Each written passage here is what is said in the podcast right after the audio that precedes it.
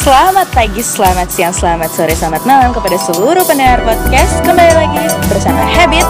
Ada aku Astrid dan ada Febri, dan selamat menikmati.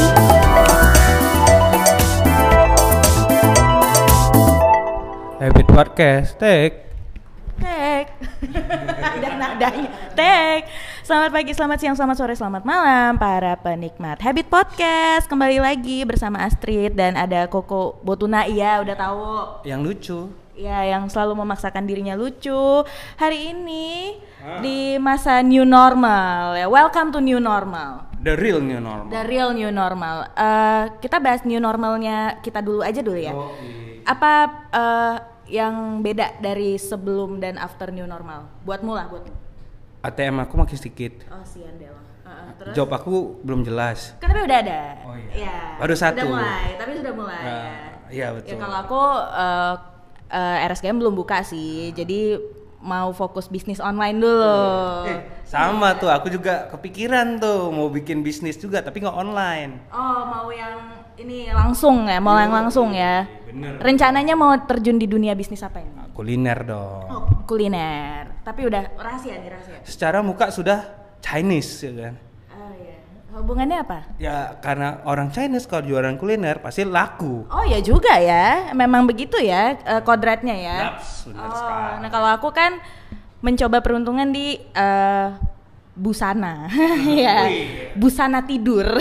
Si busana banget memang. Ya busana, walaupun eh, apa tapi lumayan sih menurut aku ternyata orang yang kalau yang WFH WFH ini ingin terlihat cute walaupun di rumah aja ya. Iya, Jadi betul, betul, betul, betul. Nah, tapi kan pengalamanku dan pengetahuanku di bisnis tuh eh, zero ya sebenarnya. sama, sama. Nah, akhirnya hari ini kita bisa menghadirkan seorang narasumber yang menurutku sih dia sudah dalam lah ilmunya dalam bisnis maupun dalam entrepreneurship. Lah salah ngomongnya entrepreneurship. entrepreneur. Eh, Entrepreneurship. Eh, kita hari ini kedatangan siapa Koko? The one and only Mr. Muhammad David. Selamat datang Bang Muhammad David. Selamat datang. Oh iya. Eh, tapi kita kita promoin dulu dong. Kita lagi berada di mana gimana? Kita Iya, lupa. iya. Kita lagi ada di mana ini? Kita ada lagi di Vince Coffee. Iya, kita di Vince Coffee setelah berminggu-minggu kita take di sini.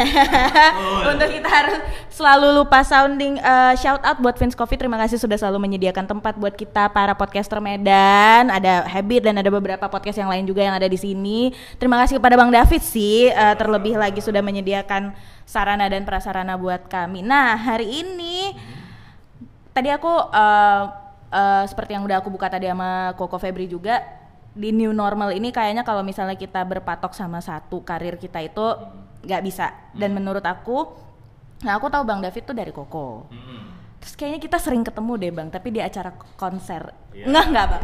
Iya iya iya iya Nah, iya. tapi iya. maksudnya kayak aku lihat muka abang tapi tapi pas abang lihat muka aku juga Iya, kan? gitulah. Iya, gitu kan? Terus, nah, aku penasaran kenapa kita bisa berada di satu tempat yang sama, tapi maksudnya itu beda-beda kayak konser tuh beda cerita. Nih sekarang bisnis lagi di Vince Coffee nih beda lagi. Nah, aku penasaran sebenarnya abang itu eh, livingnya daily life-nya itu sebenarnya ngapain dan sebagai apa? Sebenarnya em, main bisnis aku itu eh, IO kan. Main bisnisnya IO. Oh, IO pertama. Ya, main pertamanya IO, baru ada dekorasi wedding, baru ada WO, em, ada brand pomade, Oh. heeh, baru eh, ada cafe. Oh. Heeh. Ini salah nih infonya ada cuci sepatu nih. Ada. Oh, ada. Enggak, dulu dulu. Dulu ada cuci sepatu, ada barber, ada semuanya. Iya iya iya. Udah udah eh, seribu kali gagal udahlah itu udah dilalui. Kadang kalau misalnya udah gagal ya udah nggak usah dicoba lagi ya. Tuh. Terus eh, jadi sekarang yang lagi fokus adalah di bisnis, apalagi Iya, Vince. bisnis, bisnis. Kalau sekarang mungkin karena pandemi gini kan event ada tujuh cancel pasti. Nah, udah gitu juga eh, pasti nggak jalan. Yang jalan itu cuman eh, pomade sama yang jalan itu eh, cafe. Ya make sense sih ya, apalagi di masa-masa yang belum ya new normal kita juga belum normal-normal Iya, banget ya. iya, Maksudnya iya. eh, kalau event kayaknya belum bisa berjalan ya bang. Tapi eh, abang itu fokusnya di event yang seperti apa? Aku penasaran. Kalau event kan banyak kan ada kayak buat eh, acara perusahaan, ada buat konser lah. Atau abang fokusnya apa? Sebenarnya kita corporate event memang iya. Jadi kita kayak uh, ada dari brand-brand. Nah, kita um, pro, uh, apanya dia uh, IO-nya mereka gitu. Nah, bikin acara atau launching produk apa pun Iya, itu ya. Iya, iya, iya, iya, iya. Oh, jadi gitu toh. Ya bagus ya infomu ya, lumayan ya. Dia pernah jadi GM loh. GM, General Manager, General Manager di mana? Nah, dulu aku general manager di City Radio. Oh. Iya. Sama. Wah, radio yang tidak menerimaku itu. Tapi pasti aku belum itu, pasti aku belum itu, aku belum. Udah keluar. Udah, udah keluar kayaknya, udah Iya, keluar, udah keluar. ini Udah keluar. Proposal tuh, mm, eh proposal apa namanya? Langsung keluar aku gitu. Oh, gitu. Kok kayaknya mm, males nih lihat Iya, iya, iya, iya. Bahas aja nggak apa-apa di podcast nggak ada yang denger kok. Tapi, Jadi- tapi, tapi sebenarnya ada hal yang lucu kalau misal ngobrolin tentang aku dulu, dulu jadi GM gitu. Nah itu yang ngebuat aku bahwasanya oke aku nggak mau jadi pekerja lagi gitu. Jadi aku lebih milih bisnis gitu.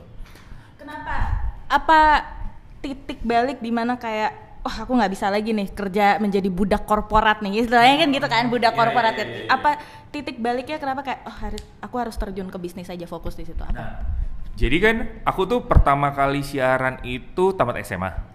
Tamat SMA siaran. boleh nggak aku tahu itu kira-kira tahun berapa 2002.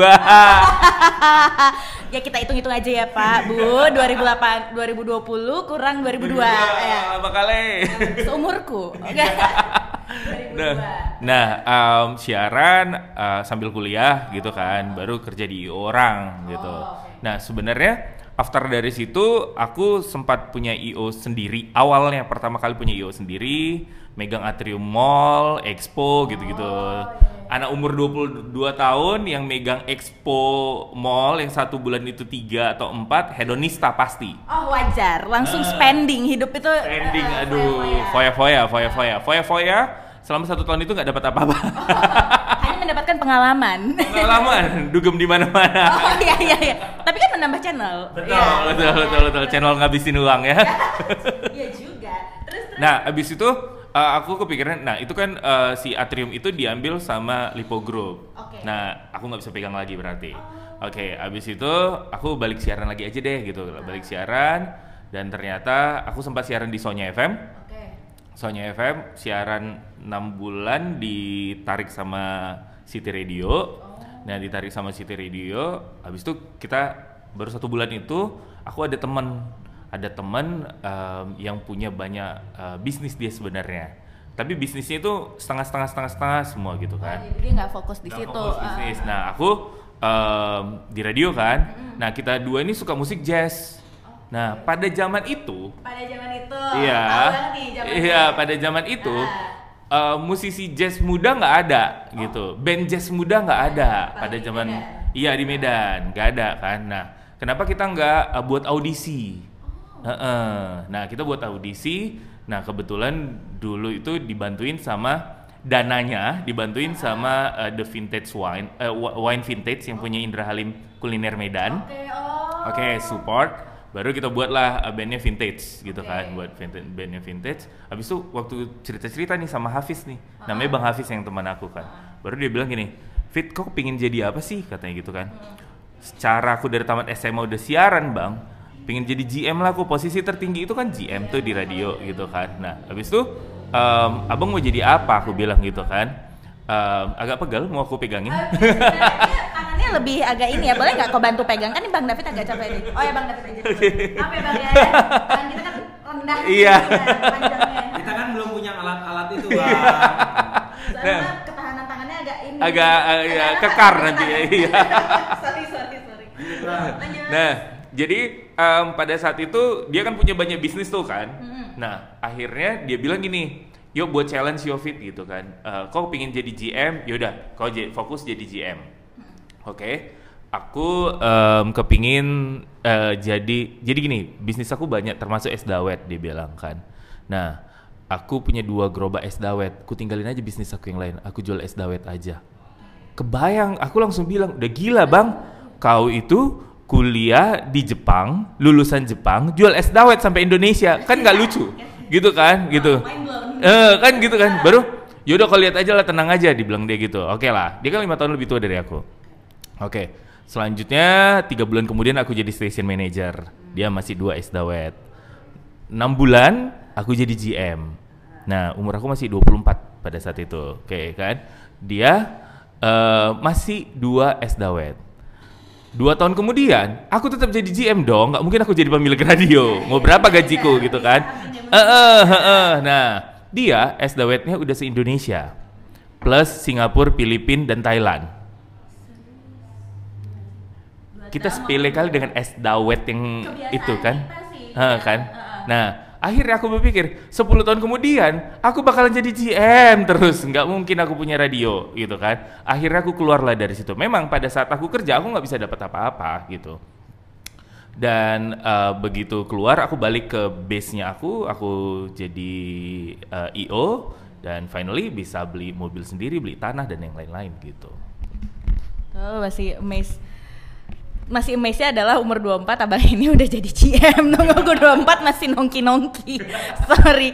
Terus eh, si Bang Hafiz ini tadi dengan dia yang sudah memiliki es dawet di seluruh Indonesia ini di situlah titik abang kebuka kayak Iya. gue nggak mungkin nih stay Iya, di iya, di iya, kantor doang gitu Iya, ya. Iya, tapi sebenarnya bukannya mau bring down orang yang kerja kantoran ya nggak apa-apa juga sih Iya, cuman apa juga kan em, orang tuh punya pilihan kan setiap manusia dan yang pasti juga ada kenyamanan kan. Iya. Mungkin dia em, jadi karyawan adalah hal paling nyaman Iya, gitu kan.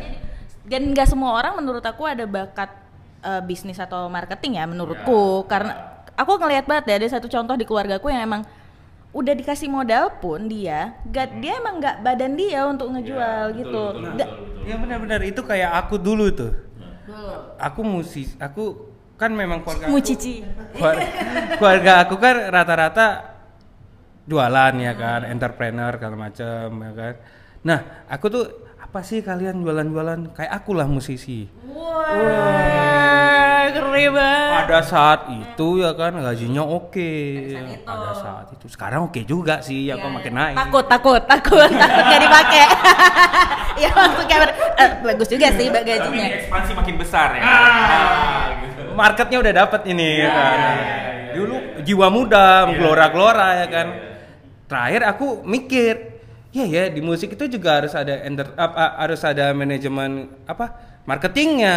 Ya, sampai juga aku belajar akhirnya di Erwin Gutawa yang game market gimana sih ngejual musik kaos segala macam. Sebenarnya kan sama aja sama jualan kan. Toh juga ngejualan jual jadi jualan juga kan dirimu, Feb. diri kita diri sendiri yang kita Iya, jual gitu kan Iya, heeh, heeh. jadi buat personal branding hampir sama sama em, produk kan. Kita harus juga ada nge-branding produk itu sendiri kan. Nah iya sama aku di situlah dibukain muka benar-benar gimana sih musisi itu nggak cuma hanya cipta lagu atau segala macam dia harus bisa eh, ngejual brand itu sendiri gitu. Sendiri lah gitu Hah. Lanjut ke Bang David. Iya.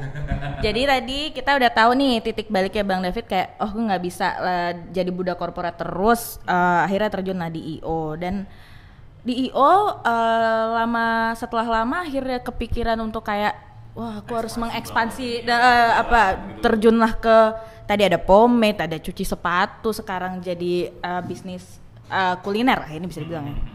Itu kapan Bang? Dan gimana? Jalan ceritanya? Nah, sebenarnya itu kalau misalnya eh, abis dari IO itu aku tuh dekor sih. Dekor, dekorasi wedding. Karena perputaran di IO itu kan kalau misalnya corporate itu setelah kita event sebulan atau sampai tiga bulan kadang baru pembayaran ya kan? Jadi mutar uangnya sulit gitu. Nah sedangkan dekorasi wedding mereka sebelum wedding udah lunas ya kan? Jadi enak kan? Nggak perlu ada. Nah itu eh, yang kedua tadinya sama WO. Nah itu kan sejalan ya kan. Nah abis itu buka eh, cafe lah, beer house kan pertama kali.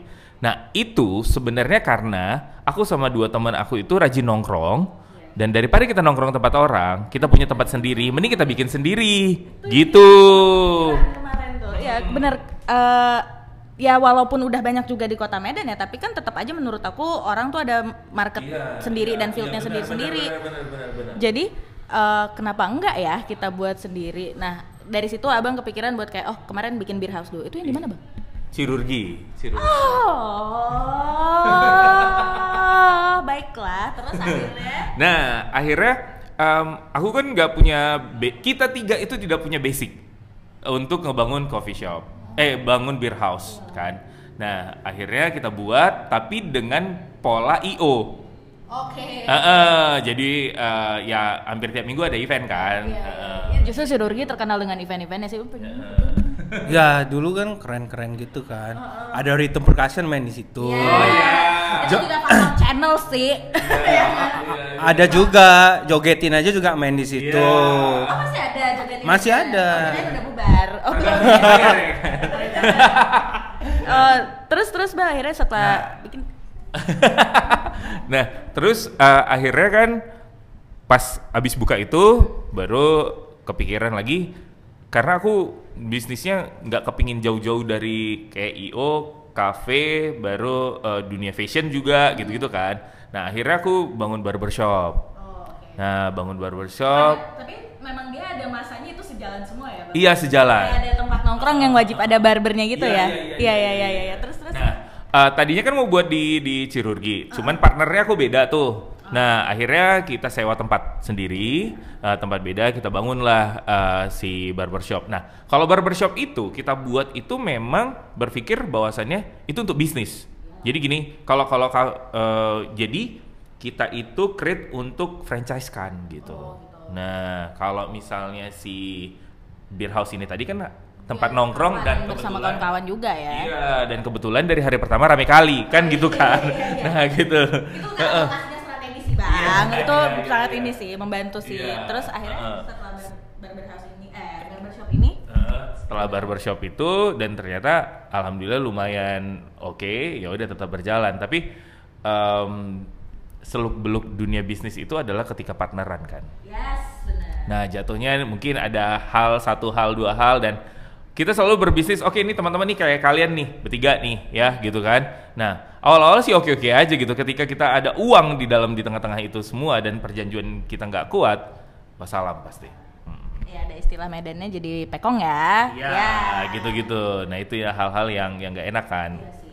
Jadi daripada pekong terkadang juga yaudahlah kita mundur tapi tetap berteman tapi tidak berbisnis Oh, gitu. Kalau barbershop ya barbershop selesai, chirurgi kita selesai gitu. Iya sih ya daripada nggak enak juga sama temen ya.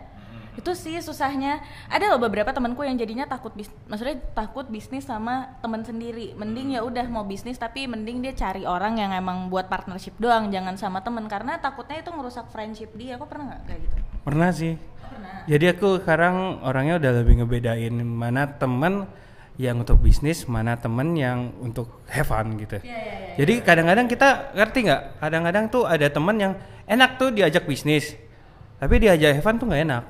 Ada temen yang enak diajak have fun, eh diajak bisnis kurang gitu. Eh, karena emang kembali lagi semua orang juga prinsipnya beda-beda ya dan mungkin ada beberapa eh, relationship yang susah kita bawa serius kalau sama temen deket kita have fun gitu nanti kalau pas diterjunin ke bisnis jadi eh, Bentrok gitu. bentrok, dan jadinya ujung-ujungnya nggak enak kayak itu sih mungkin itu termasuk salah satu suka dan duka dari perbisnisan ya bang Iya. tadi aku mau nanya sih suka Iya. duka bisnis apa aja itu dukanya salah satu ya Dukanya, ya dukanya itu jadi em, temenan susah kadang-kadang gitu kan. Tapi bagiku sepanjang jauh berbisnis yang berpartneran juga sering gagal juga, tapi aku memang lebih suka partneran daripada aku sendiri gitu.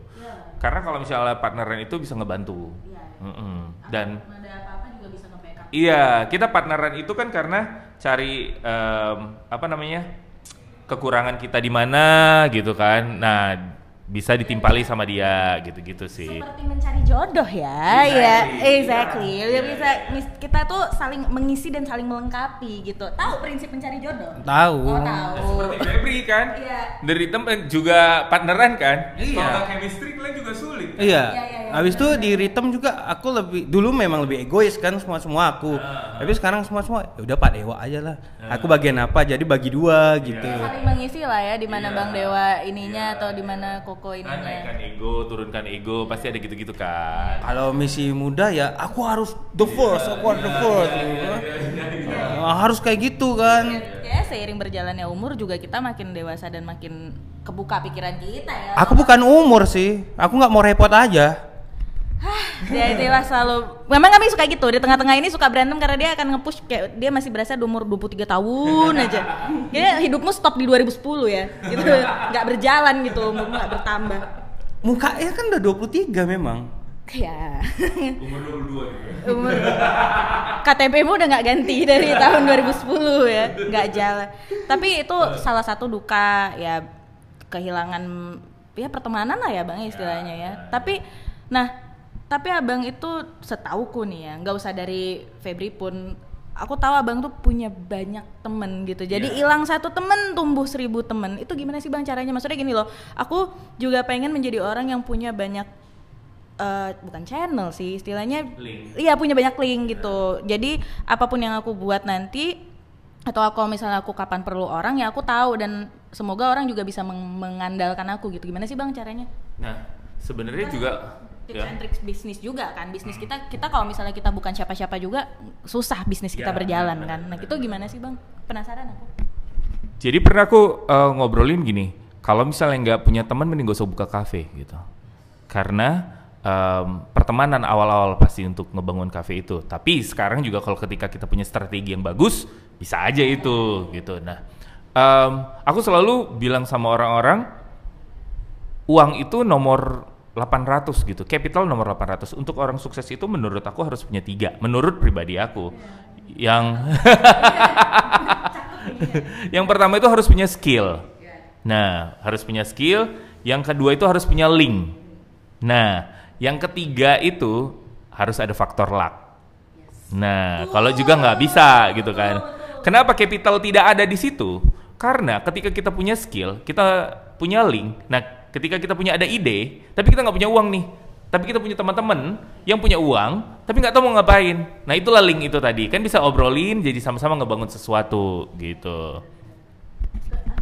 Makanya Trit, gue bilang jangan terlalu memikirkan cuan oh Ah. penting sih. Iya, maksudnya gini, jangan juga jadi money minded gitu loh. Oh, Iya kan? iya, Kalau iya. kita apa-apa menjalankan segala sesuatu money minded ya Tuhan juga nggak bakal ngelancarin gak sih? Ya Iya, itu kan iya, pasti iya. Tuhan kasih aja rezekinya. Tapi bener yang dibilang Mbak David, skill, link dan luck. Mungkin ada beberapa orang yang ngejalanin bisnis lucknya kurang ya banyak. Ya, ya, ya, ya, ya. Itu kan faktor kita sama Tuhan kita kan, Iya. pasti kan. Nah, juga em, ada hal yang kayak kamu bilang, eh tadi Astrid nanya gimana sih cara berteman, mencari. mencari teman.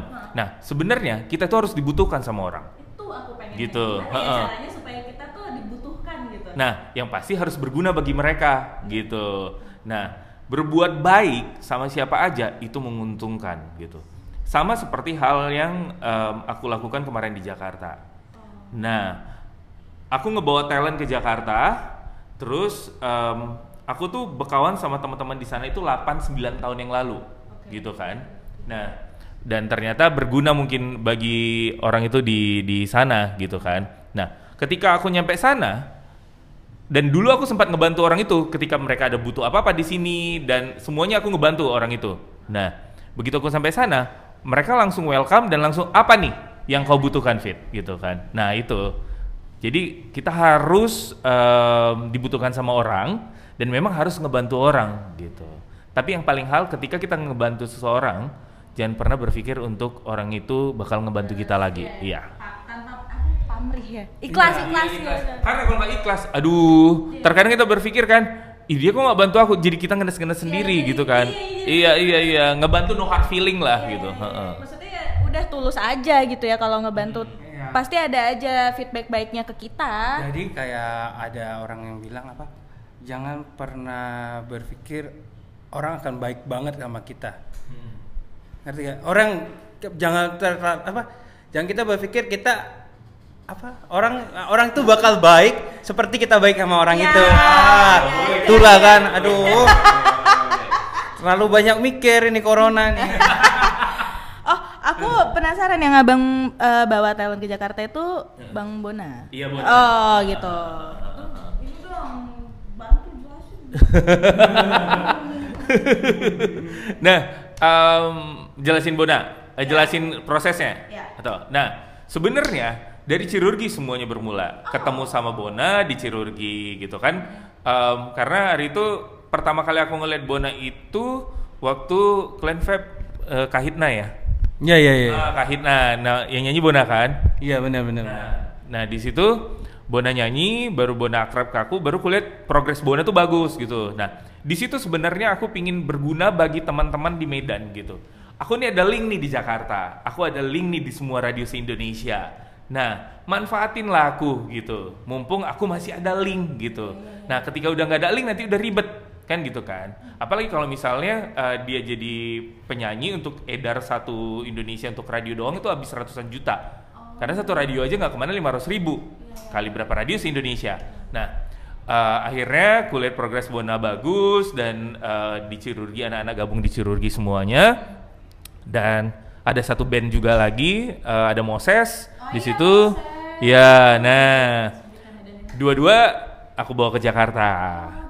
Heeh, aku bawa ke Jakarta. Pertama sih Moses yang minta untuk em, ke Jakarta. Dan akhirnya ya udahlah, aku berpikir ya udah gue ke Jakarta. Tapi sebelum sampai Jakarta aku teleponin dulu tuh teman-teman semua di sana dan thanks God berjalan mulus.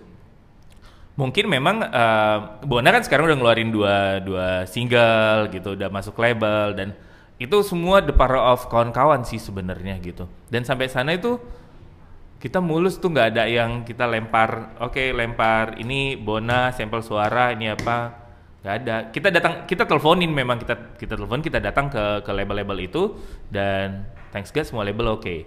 Sampai kita pilih label mana yang paling bagus dan tahu nggak bona di label itu itu tuh yang punya label pas udah udah oke nih semuanya udah oke mau ngasih kontrak ternyata yang punya label belum pernah dengar suara Bona. Tapi oke. Itu the power of apa ya, Trit? Channel sih. Iya, iya. Berarti bukan itu the the power of management kan? Iya, Iya. manajemen. Manajemen kan? Iya. Jadi ke- kesuksesan seorang artis atau musisi itu bukan tergantung dari si musisinya juga. iya, iya, iya. Tergantung dari si manajernya gimana.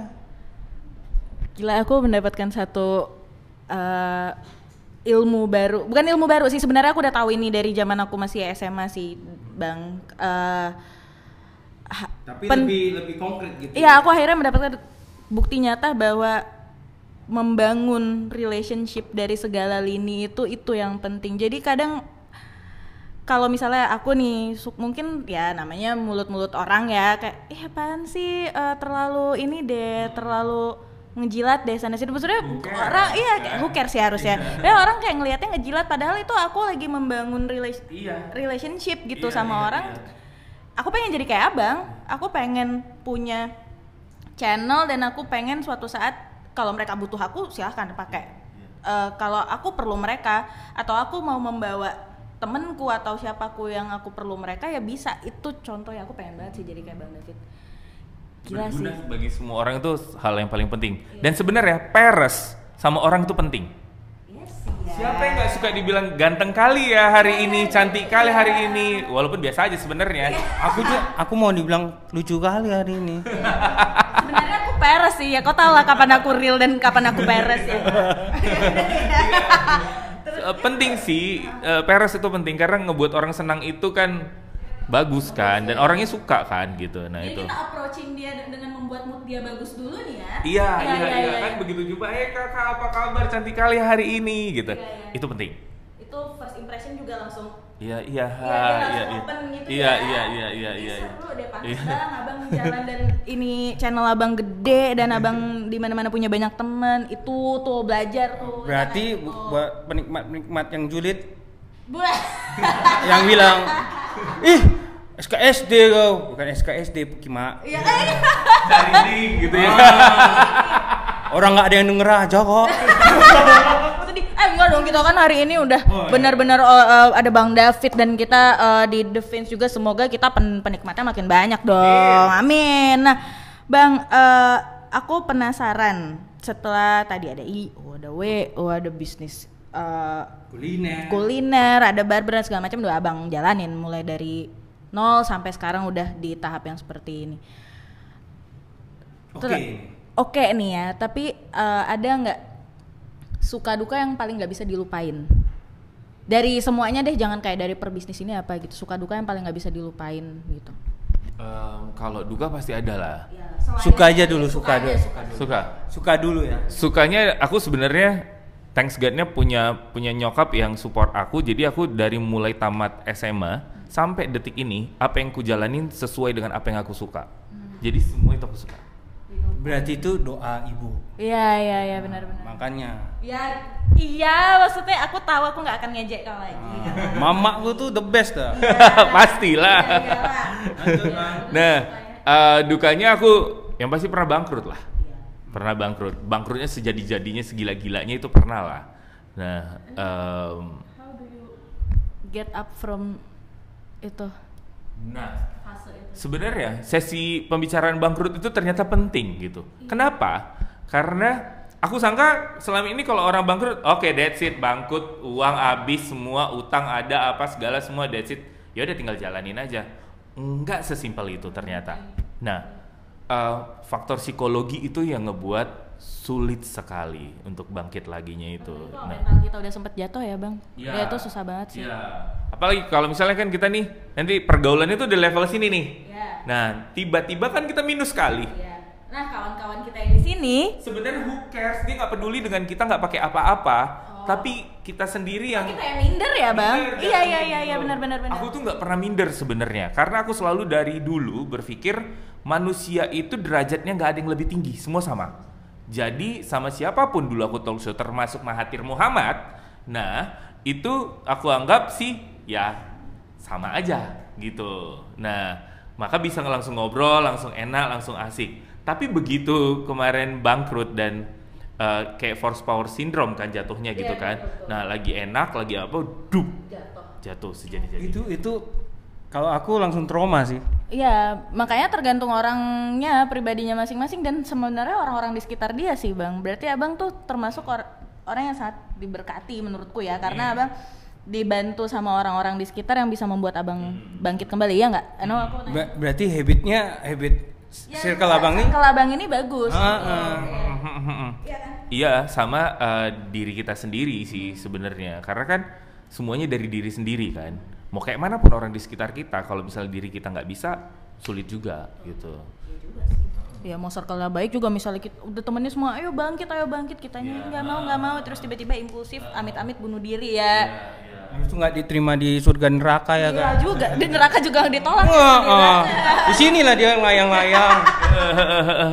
Karena kan em, kalau nggak diri sendiri mana mungkin teman-teman itu cuma jadi jembatan sebenarnya sama seperti yang kayak eh, Bona di Jakarta baru dibilang ya kan karena Bang David bukan karena aku tapi karena Bonanya aku dan teman-teman di sekeliling hanya jembatan aja bagi dia kalau dia nggak bisa ya berarti dialah gitu Iya, iya, kan betul, betul. iya Ya, tapi kadang-kadang itu penyakit kita loh. Kita pengen dianggap.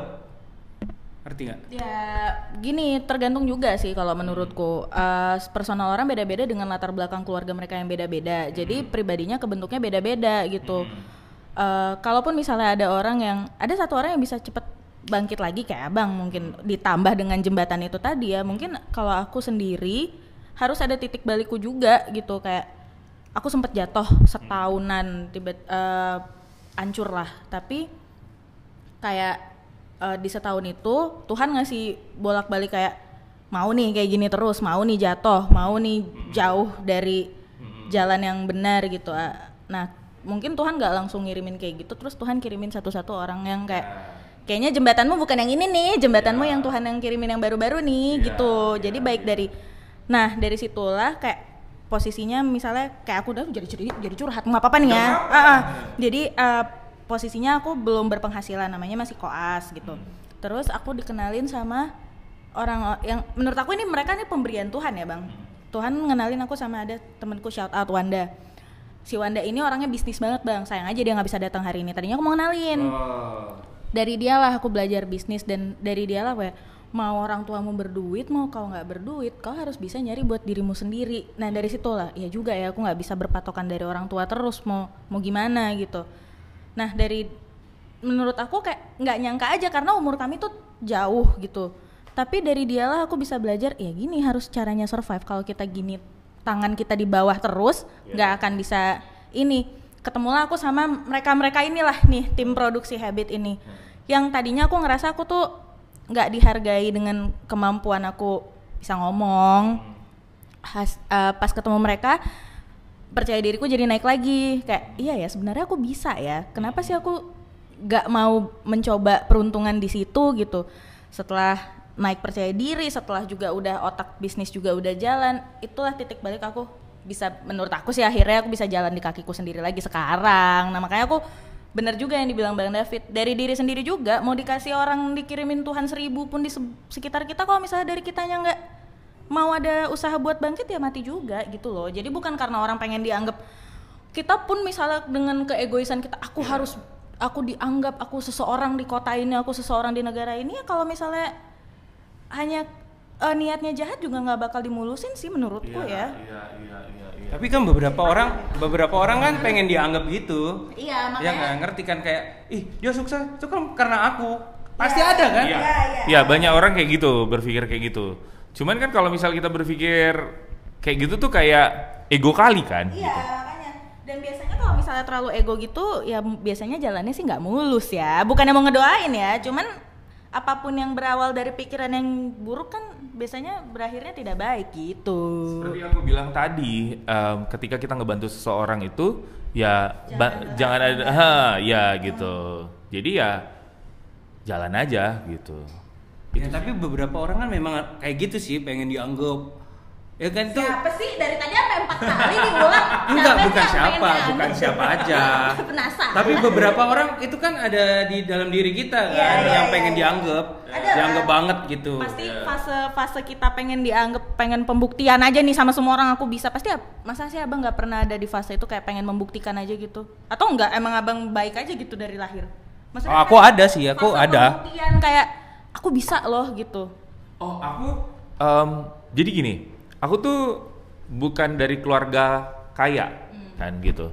Jadi em, segala sesuatu aku harus buktikan dulu gitu iya, iya. untuk bisa di level orang yang atas gitu. Ada satu waktu aku datang ke salah satu eh, keluarga terkaya lah di kota Medan ini. Jadi kita buat proyekan dan kita tuh bertiga. Kita bertiga baru em, si bapak ini gila ngomong sama kawan aku aja karena dia tahu kawan aku itu punya ini, punya ini, punya ini, punya ini, punya ini, punya ini. Ih, ini nggak bisa nih kayak gini nih gitu kan. Dia punya ini, punya ini, punya ini, punya ini, tapi aku bisa lebih dari dia loh gitu kan. Nah akhirnya aku buktikan bapak ini pasti naik ketika dia ngikutin aku dengan polanya aku gitu. Nah akhirnya aku kasih tahu programnya bla bla bla bla bla bla bla bla bla. Finally bapak ini makin naik namanya. Dan em, aku orang yang di belakang dia. Dan semenjak ha- hari itu eh semenjak kejadian itu semua aku sampai yang kayak Dahlan ini sekan datang aku dipanggil untuk ngobrol bareng-bareng semuanya lah gitu ya ini pembuktian di arah yang positif ya kan? Nah. kalau kita berdua kayaknya masih bocah banget ya jadi pembuktiannya Wah, kau aja. eh umur aku itu masih bocah juga loh itu. Umur berapa itu aku paling? Nggak bocah-bocah kali sih. Iya, paling maksudnya- 27 28 itu nggak bocah sih bang. Aku sih kayaknya masih bocah. Cuman eh, kadang kita saking pengennya pembuktian diri sendiri gitu kan jadinya negatif kesannya gitu. Ya. maksudnya bagus juga kalau misalnya kita membuktikan diri sendiri tapi ke arah yang positif lah dan dengan cara yang positif juga Nah, benar benar benar benar. wajib kali lah itu Iya, memang iya. Karena iya sebenarnya tergant ya itu lagi kembali lagi kita tumbuh di keluarga seperti apa dan tumbuh dengan yang eh, dengan cara yang bagaimana ya Dan habitnya seperti Dan apa? habitnya seperti apa Em, di keluargaku tuh agak serem ya namanya orang Batak ya Ya. nah jadi kan em, bagi mereka itu nilai sukses itu penting kali gitu oh, hmm. apalagi dulu aku ngejalanin hidup itu di dunia entertain kan gitu dan biasanya orang Batak pasti sebelah mata sama Iya. dunia entertain bener kali Jangankan orang Batak, orang Cina juga. Iya, gitu ya. aku Cina Gak apa-apa biar banyak job. oke nah, nah kayak gitu dan eh, ada satu waktu aku yang sepupu aku tuh ada yang yang kapolsek lah, apalah in the blah in the blah in the blah gitu. Sedangkan aku cuma GM di radio.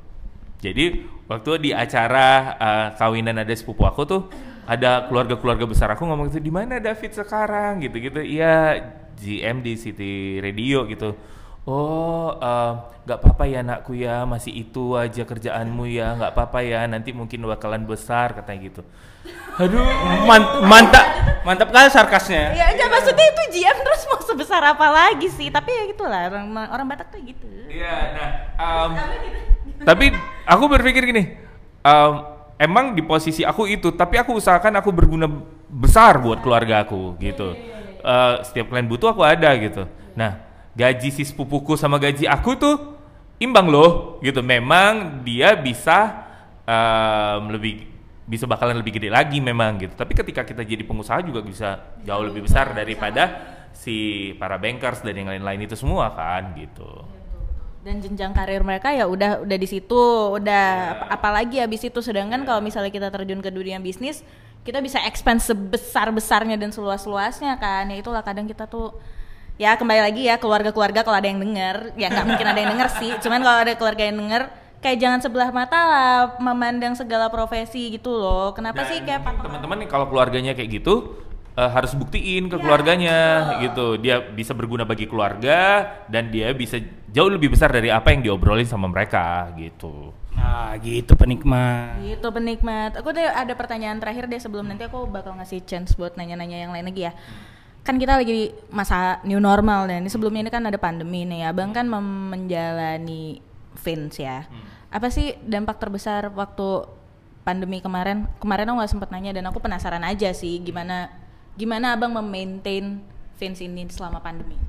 nah kayak Devin kalau Devin itu eh, kan aku ada dua brand yang jalan masih tetap selama pandemi Eh, pomade aku sama eh, Devin nah Iya, nah kalau Devin itu, aduh, waktu, nah kan kita tuh baru ganti nama kan, baru ganti nama, baru rame-ramenya, dua minggu rame kali, abis itu tuh kayak ditampar gitu kita yang langsung masuk def- eh, apa, langsung masuk pandemik, langsung, aduh, aduh harus tutup yang tiap hari kita hadapin adalah satpol pp datang.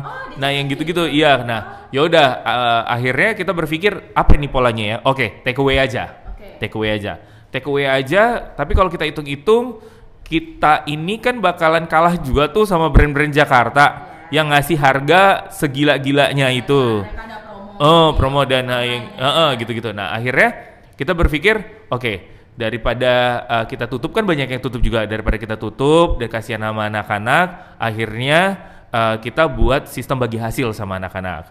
Nah, harus banyak pola. Aduh, sakit kali kepala pasti gitu kan. Nah, sampai akhirnya ternyata bagi hasil itu tidak bisa ngebuat kita nggak nutup juga kerugian makin besar gitu akhirnya kita tutuplah satu bulan sampai akhirnya kita buka lagi nih kalau misalnya pomade Nah, pomade aku itu kekurangannya adalah kan itu di barber-barber. Pembayaran yang sulit karena barber sempat tutup. Iya. Juga belum banyak yang buka ya kalau Iya, barber ya. gitu. Hah, terakhir. Kalau kalau pomade sebenarnya Bang Davi harusnya endorse aku. Aku kan Oh, iya, kadang-kadang iya, iya, Elvis Elvis gitu, pomade pomade rambutnya. Apa sign mau di endorse? Elvis suka ya sih. Iya. Enggak, rambutku kan pompadour-pompadour gitu. Oh, pompadour gitu. Mana tahu ya kan, Tri. ya, ya udah bang, ini aja bang kelihatan kan orang-orang yang mau di endorse yang mana aja kan. Nih tangan-tangan.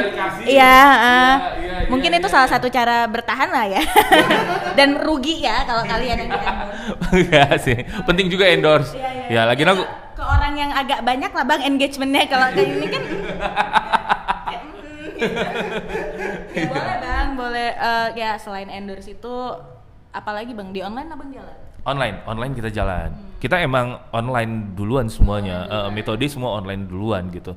Sama juga kalau mudah-mudahan em, teman-teman yang ngedenger dan berpikir bahwasannya kalau buka usaha itu harus ada outlet.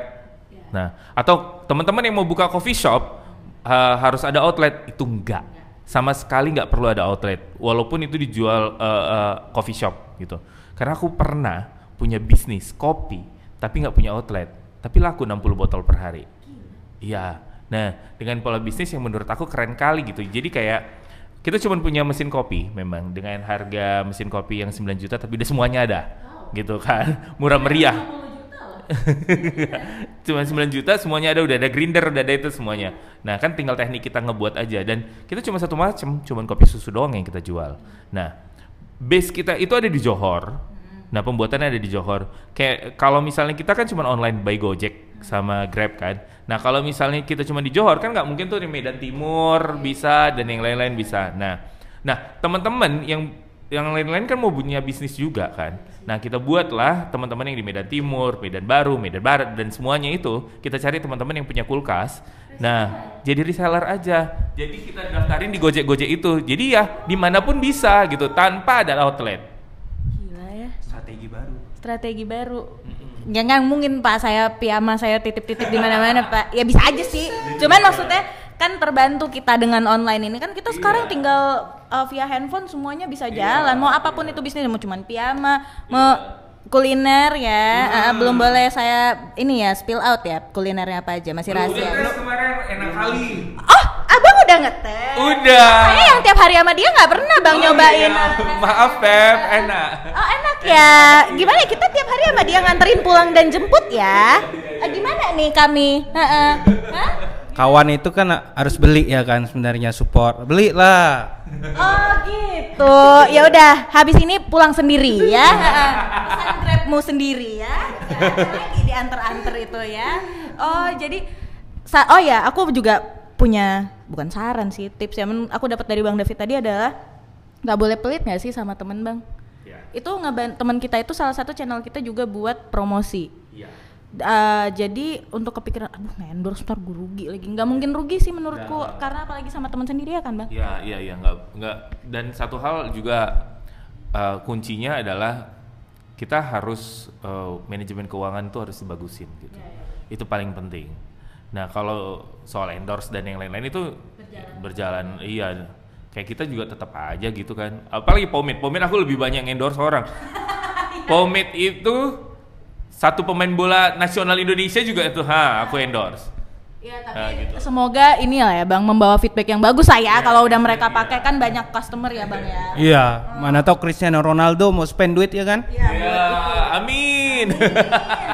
Eh, saya eh, masih sensi ini masalah eh, kuliner belum dibagi nih belum nyoba nih Kawan itu jangan pelit, beli makanya. Kebalik, harusnya kami dulu yang dikasih tester baru nih. Ya, ini deh Bang, eh, saran deh buat para eh, pemula yang mau mencoba. Karena di masa-masa kayak gini untuk berpatok sama satu karir atau satu profesi yang dijalanin kayaknya lagi sulit ya menurutku ya Bang. Eh, kayak Koko Febri mau coba kuliner dan aku sekarang udah coba jualan piyama. Aku coba jualan emas juga.